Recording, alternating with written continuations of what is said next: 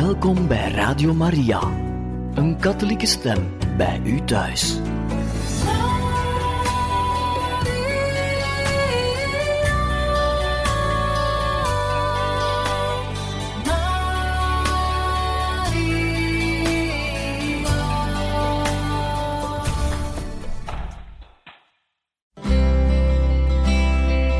Welkom bij Boekat, een programma van Radio Maria.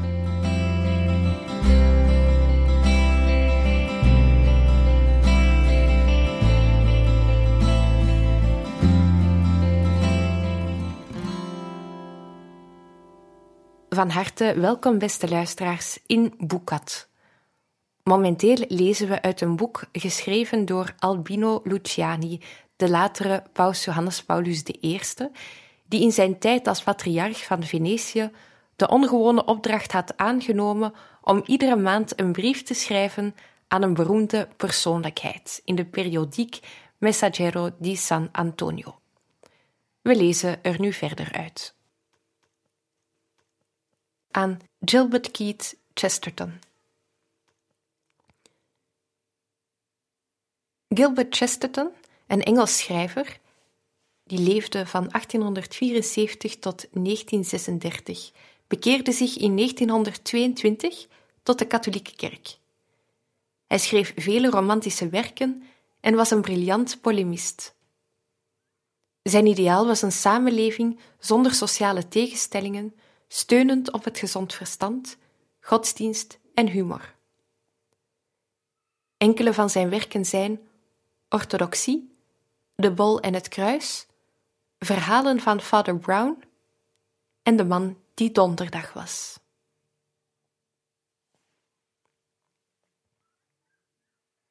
Beste Chesterton, op de Italiaanse televisie is de laatste maanden Father Brown te zien geweest. De steeds weer verrassende priesterdetectieve, een van je typische scheppingen. Jammer dat niet eveneens professor Lucifer en de monnik Michael op het scherm verschenen.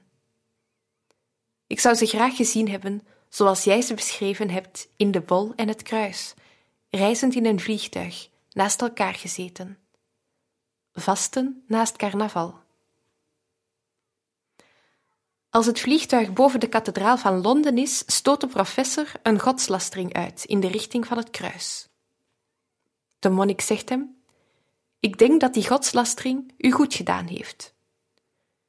Luister eens, ik heb een man gekend, net als u, hij haatte ook het kruis. Hij had het verwijderd uit zijn huis, van de hals van zijn vrouw, zelfs van de schilderijen. Hij vond het lelijk, een symbool van barbaarsheid, vijand van alle vreugde en leven. Zijn woede werd steeds groter. Op een dag klom hij boven op de kerktoren, rukte het kruis eraf en gooide het van boven naar beneden. Die haat groeide op den duur aan tot delirium en tenslotte tot razende krankzinnigheid. Op een zomeravond was hij stil blijven staan bij een hekwerk dat zich voor een grote lengte langs de hellende straat voortzette. Hij rookte een pijp, er brandde geen licht en geen blaadje bewoog. Maar in Smans verbeelding veranderde het lange hek in een heel leger van kruisen, die, het een na het ander, langs de straat stonden opgesteld. Vanaf de hoogte waar hij zich bevond tot beneden in het dal. En zwaaiend met zijn wandelstok stormde hij toen op de heining los, als tegen een schare van vijanden, zolang als het hek was. Rukte, brak en trok hij alle palen die hij tegenkwam uit de grond. Hij haatte het kruis, en in elke paal van het hekwerk zag hij een kruis. Thuisgekomen zag hij nog steeds overal kruisen. Hij sloeg de meubels kort en klein en stak de zaak in brand. De volgende morgen vonden ze zijn lijk in de rivier. Op dat ogenblik keek professor Lucifer de oude monnik aan, beet zich op de lippen en zei: Dat verhaal heb je verzonnen. Michael antwoordde: Ja, dat heb ik verzonnen, maar het heeft heel goed weer wat jij en je ongelovige broeders aan het doen zijn. Je begint met het stuk slaan van het kruis en je zult eindigen met het ten gronde richten van heel de bewoonbare wereld. Het antwoord van de monnik, dus dat van jou, beste Chesterton, is zeer juist. Neem God weg en wat wordt er van de mensen? Wat maken we dan van de wereld waarin we moeten leven? Maar hoor ik zeggen, dit is toch de wereld van de vooruitgang, van de welvaart? Jawel, maar die veelgeprezen welvaart is niet alles wat men ervan verwachtte. Hij brengt ook de raketten mee, de bacteriologische en atoomwapens, de huidige milieuvervuiling. Allemaal dingen die de hele mensheid ten onder dreigen te voeren, als niet bij tijds maatregelen worden genomen. Met andere woorden, vooruitgang onder mensen die elkaar lief hebben, die elkaar beschouwen als broeders en als kinderen van de ene God, ja, dat is iets prachtigs. Vooruitgang onder mensen die God niet erkennen als de enige Vader vormt een aanhoudend gevaar. Als met die voorwaartse ontwikkeling niet tevens het zedelijk, innerlijk en persoonlijk leven zich ontwikkelt, dan bevordert zij slechts de groei van de meest barbaarse instincten van de mens. Maakt zij van hem een machine die bezeten is van machines. Een nummer dat nummers manipuleert. Een barbaar in delirium, om met Giovanni Papini te spreken. Die in plaats van een knots de immense krachten van natuur en techniek ter beschikking geeft om zijn roofzuchtige, verwoestende en fanatische instincten bot te vieren. Ik weet het, veel mensen denken juist andersom als jij en ik, Chesterton. Ze denken dat godsdienst slechts een droom ter vertroosting is, een bedenksel van de onderdrukten, die zich buiten deze wereld een andere, niet bestaande fantaseerden, waar hun later ten deel zal vallen wat de onderdrukkers hun hier onthouden. En de onderdrukkers zouden de godsdienst helemaal in hun eigen voordeel georganiseerd hebben om de onderdrukten stevig onder de knoet te houden en om hun klassebewustzijn in slaap te sussen, dat hen zonder de godsdienst tot de opstand zou drijven. We behoeven er wel niet aan te herinneren dat het juist de christelijke godsdienst is geweest die het ontwaken van het proletarisch bewustzijn bevorderde. Doordat de armen er in ere stonden en er een toekomstig oordeel van gerechtigheid verkondigd werd. Ja, antwoordt men hierop, maar datzelfde christendom, dat het bewustzijn van de armen wakker schudde, heeft daarna dit bewustzijn verlamd door geduld te prediken, en in plaats van klassenstrijd het vertrouwen op God en geleidelijke hervorming van de maatschappij aan te bevelen. Velen denken ook dat God en de godsdienst de mens vervreemden, doordat ze zijn hoop en inspanningen richten op een toekomstig en veraf paradijs, en hem zo ervan afleiden zich in te zetten voor een nabij paradijs, dat gerealiseerd moet worden op deze aarde. Ook mogen bekend verondersteld worden dat volgens het laatste concilie een christen, juist omdat hij christen is, meer dan ooit moet beseffen hoezeer hij de opdracht heeft zich in te zetten voor een vooruitgang ten gunste van allen en voor sociale rechtvaardigheid voor allen. Maar niettemin, zo zegt men daarop, blijven jullie denken aan een vooruitgang van een voorbijgaande wereld, in afwachting van een definitief paradijs dat nooit komen zal. Maar wij willen een paradijs hier als het resultaat van onze strijd. Wij zien het ontstaan daarvan reeds, terwijl jullie God door de theologen van de secularisatie doodgenoemd wordt. Wij houden het op Heine, die schreef: Hoor je de bel? Op de knieën. Ze gaan de laatste sacramenten toedienen aan God die op sterven ligt. Beste Chesterton, jij en ik knielen maar voor een God die thans voor het mensenleven zo belangrijk is als maar ooit. Hij alleen kan een bevredigend antwoord geven op de drie vragen die voor iedere mens zo voornaam zijn. Wie ben ik? Waar kom ik vandaan? En waar ga ik heen? wat betreft een paradijs dat komen zal op aarde en enkel op aarde, en in de nabije toekomst als resultaat van die fameuze klassenstrijd en andere conflictmodellen, zou ik willen dat er geluisterd werd naar iemand die meer gezag geniet dan ik, en zonder je verdiensten te willen verkleinen. Ook meer gezag dan jij, namelijk Dostoevsky.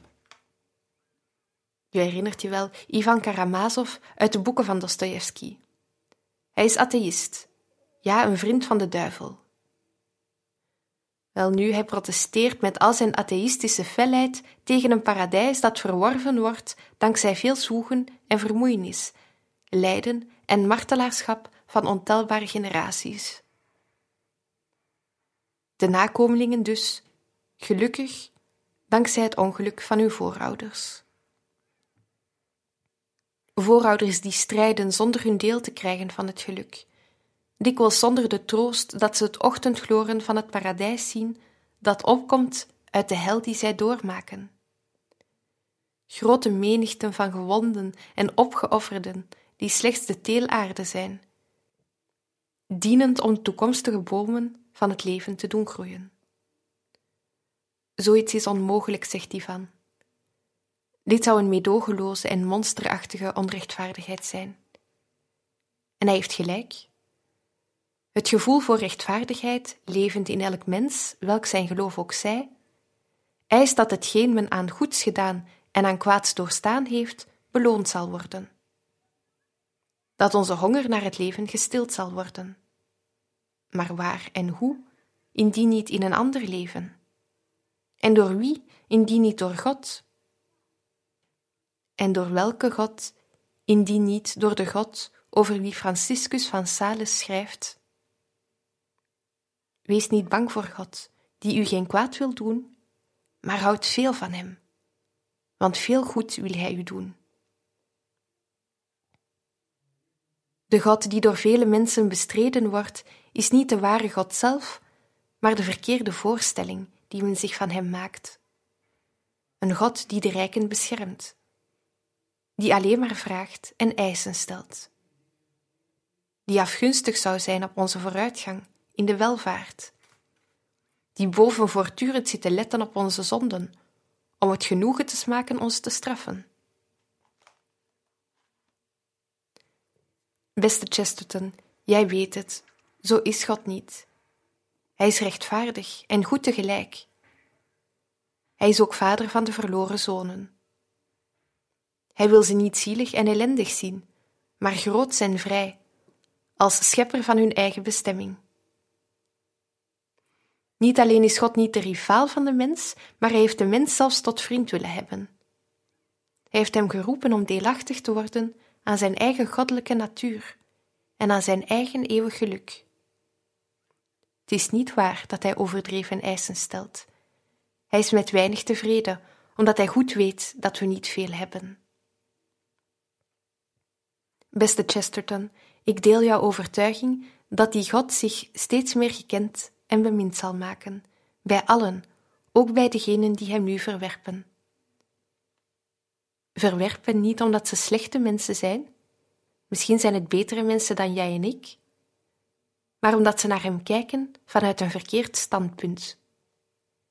Blijven ze daarom voortgaan niet in hem te geloven? Hij, God zelf, antwoordt dan: Ik geloof wel degelijk in jullie juni 1971.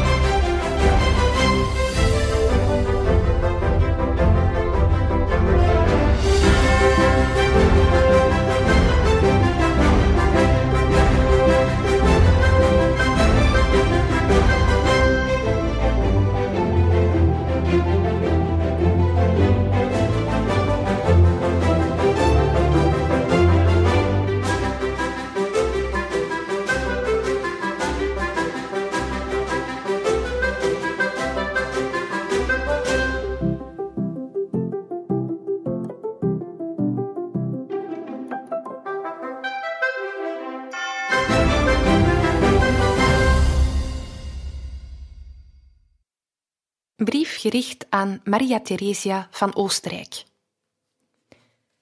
Maria Theresia van Habsburg, die leefde van 1717 tot 1780, was keizerin van Oostenrijk vanaf 1740. Als verlichte soeverein regeerde ze op paternalistische wijze. Ze was echter een voorbeeldige moeder en echtgenote. Aan haar ongelukkige dochter Marie-Antoinette, koningin van Frankrijk, schreef ze met het medevoelen van vrouw en moeder enige brieven over de manier waarop ze zich diende te kleden. Deze brieven zijn bewaard gebleven. Koninklijke Keizerlijke Majesteit. Ik ken u alleen uit boeken. Als typische soeverein van de eeuw der verlichting regeerde u op paternalistische wijze. U noemde zich graag moeder van al uw landen. Al bent u daarbij, zo schijnt het, er bovenal van uitgegaan dat de kinderen in die landen allemaal gehoorzame onderdanen zouden zijn van de keizers. Dat is begrijpelijk. Zelfs van een koningin kan men niet verwachten dat ze op profetische wijze haar tijd vooruit is. Maar al met al maakt u binnen het gezelschap van de soevereinen uit die tijd toch wel de minst slechte beurt. U dirigeerde het staatsorkest zonder alle instrumenten zelf te willen bespelen. Beter nog hebt u het ervan afgebracht als echtgenote en moeder. Vol liefde voor uw man, om wie u na zijn dood innig hebt gerouwd, hoewel wetend dat hij u met verschillende minaressen had bedrogen.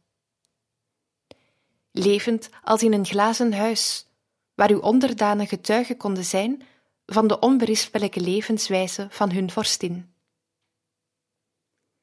Zestien kinderen, waaronder de beroemde Jozef II, die door zijn buurman koning van Pruisen mijn broeder de koster werd genoemd, en de ongelukkige Marie-Antoinette, eerst kroonprinses, later koningin van Frankrijk. Aan de laatste hebt u, met vrouwelijke en moederlijke belangstelling en zorgen, brieven geschreven, die tot nu toe bewaard zijn, over de manier om zich te kleden. In Parijs werd gefluisterd dat de dauphine niet elegant gekleed ging. Dat kwam u in Wenen ter oren en u greep direct naar de pen om haar te vermanen. Ik hoor dat je je slecht kleedt en dat de hofdames je daar niet op durven te wijzen. Toen zij koningin was, sloeg Marie-Antoinette door in de andere richting. Ze stuurde u haar portret met op haar hoofd een monumentale katafalk, gemaakt van vruchten, bloemen en pluimen, en wel tien meter stof. U hebt daar toen weer geschreven. Ik vind dat de koningin van een groot volk zich niet zo moet kleden. Meegaan met de mode is goed, maar je moet niet overdrijven. Een gracieuze koningin hoeft niet al die malligheden op haar hoofd te hebben. Kijk, dat was nu eens een wijs woord. Om haar schoonheid te doen uitkomen, heeft een vrouw al die malligheden niet nodig.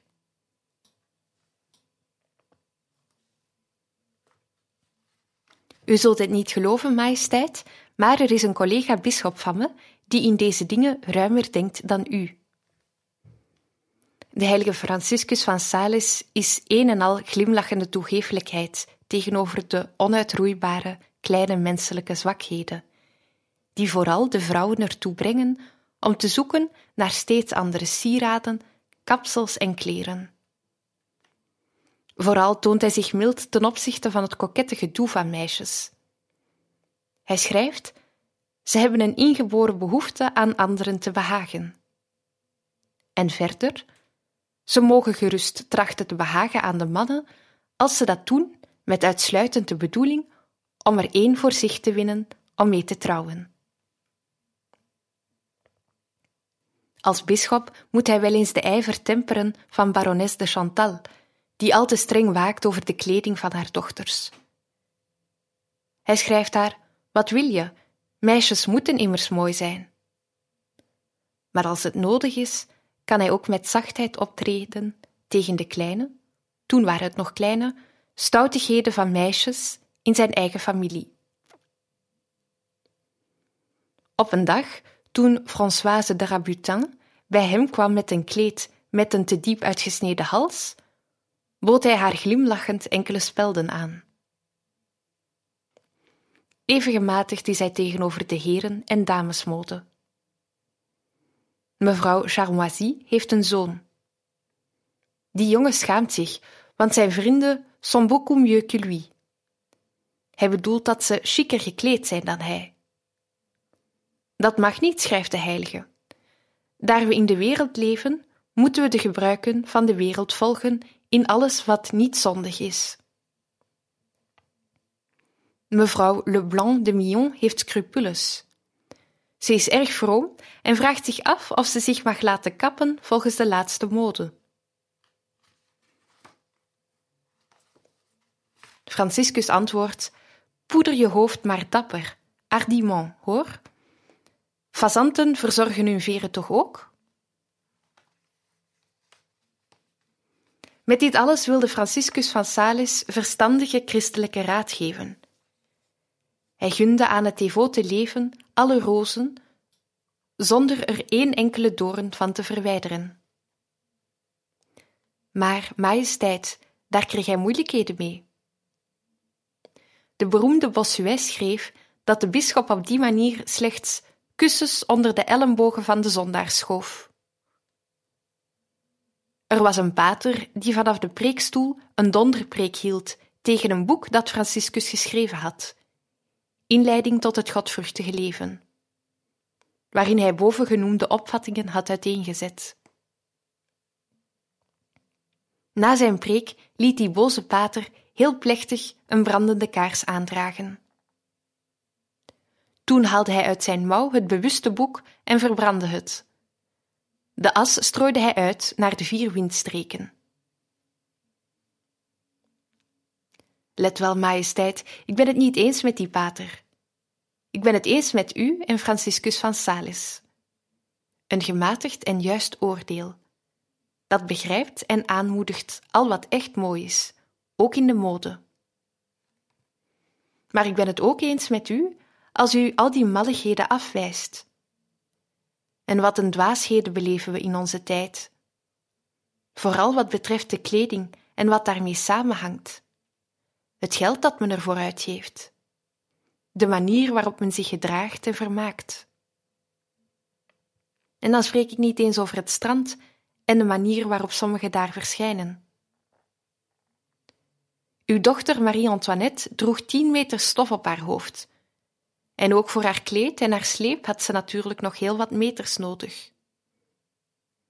Tegenwoordig is het juist andersom.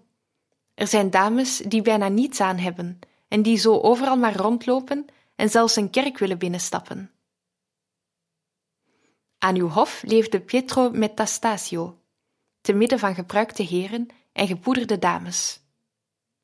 Hij maakte melodrama's en in een van die schrijft hij: Het is met trouw tussen beminden als het met de Fenix staat. Ieder zegt dat hij bestaat, maar geen mens weet hem te vinden. Dit is het meest gewaagde dat hij in het romantisch vlak ooit heeft durven schrijven. Tegenwoordig durft men alles. In kleding, zang, geschriften, foto's, films en manier van doen. In uw tijd hoorde men hier in Venetië de Margarita uit Goldoni's Campiello zeggen: Mijn moeder nam ons mee naar de opera of schouwburg. Ze kocht dure abonnementen, want daar had ze haar goede geld voor over. Bij voorkeur ging ze daarvoor naar die theaters waar ze wist dat de goede blijspelen gebracht werden, waar haar dochters heen konden. En ze ging met ons mee, en we vermaakten ons. We gingen ook wel eens naar het Ridotto koffiehuis, flaneerden wat langs de promenade, keken wat rond op het pleintje met zijn waarzegsters en poppenkast en gingen soms ook naar een uitspanning buiten de stad.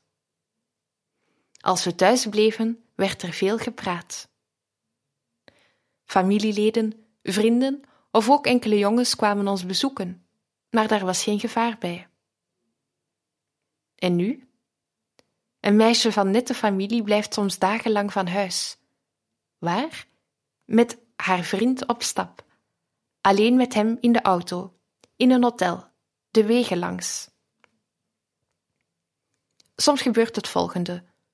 Ze ontvangt een uitnodiging voor een bal met daaronder de afkorting ZNA, zonder nutteloze aanhang, ofwel zonder ouders. Soms ook kun je in de krant lezen dat er bij het personeel van bepaalde bedrijven tempo en kwaliteit van de productie aanmerkelijk teruglopen, omdat men de te diep in meditatie verzonken is over de rokken en de lilliputachtige shorts van de vrouwen die in de zaak werken. Of je kunt lezen dat een regering, om het aantal verkeersongelukken tegen te gaan, langs de wegen borden plaatst met de waarschuwing dat de autorijders, onder het rijden, zich niet moeten laten afleiden door meisjes in minirokjes die ze door de voorruit of spiegel zien.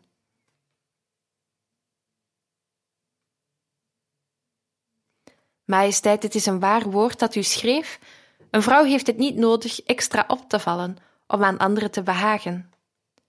Het komt er maar op aan wie ze wil behagen en met welke bedoeling.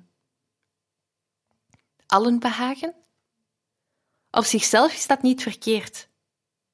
Het kan verkeerd zijn te willen behagen op een bepaalde manier. Maar ik ben van oordeel dat een vrouw moet trachten te behagen aan haar ouders, broers en zusters, en vooral aan haar man.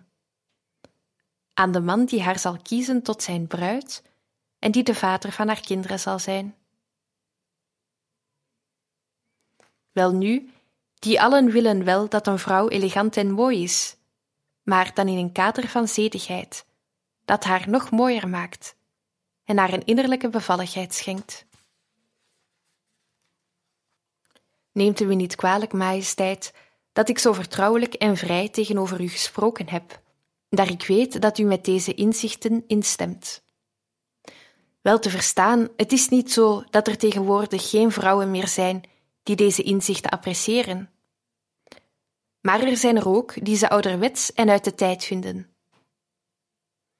Maar u weet dat deze ideeën onvergankelijk en immers fris blijven omdat ze de weerspiegeling zijn van Gods gedachten, die Paulus heeft doen schrijven dat de vrouwen op passende wijze gekleed dienen te zijn, getooid met bescheidenheid en ingetogenheid. Juli 1971 Als Maria Theresia die leibeigenen Bauern vom bittere Fron hat befreit, drang die Kunde davon in die Dörfer und Täler und über die Berge so weit. Und ein Bauer im schönen Tirol fühlte, wie um sein Herz eine Fessel zersprang. Und er ging er voll Freude hinauf in die ewige Freiheit der Berge und sang. Maria, Teresia,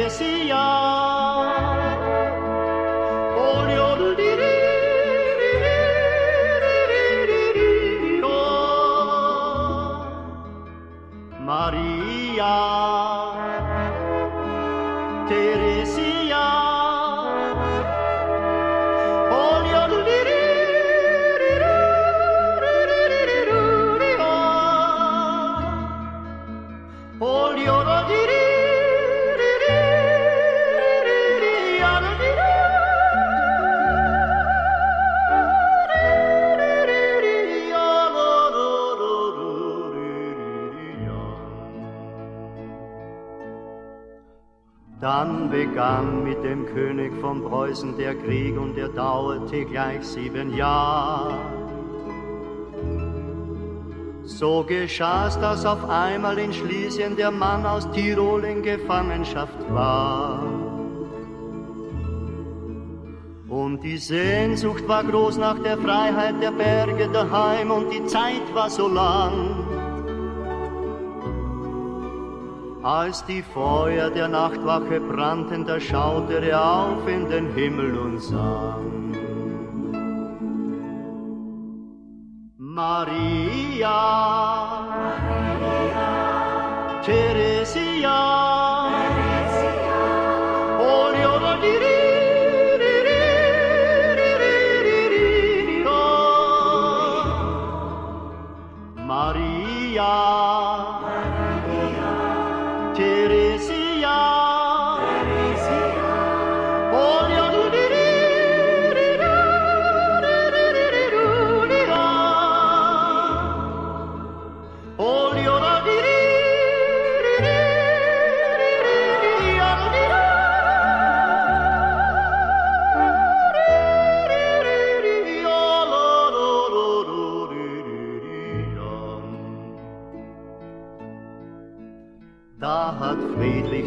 Große von diesem Tiroler und von seinem Jodler gehört. Und er sagte, ich wüsste nicht einen von meinen Soldaten, der mich so verehrt. Und er gab dem gefangenen Bauern die Freiheit und ließ ihm ins Heimatland ziehen. Und da kamen sie rings aus den Bergen und traten mit ihm vor die Kaiserin hin. Maria, Maria Teresia,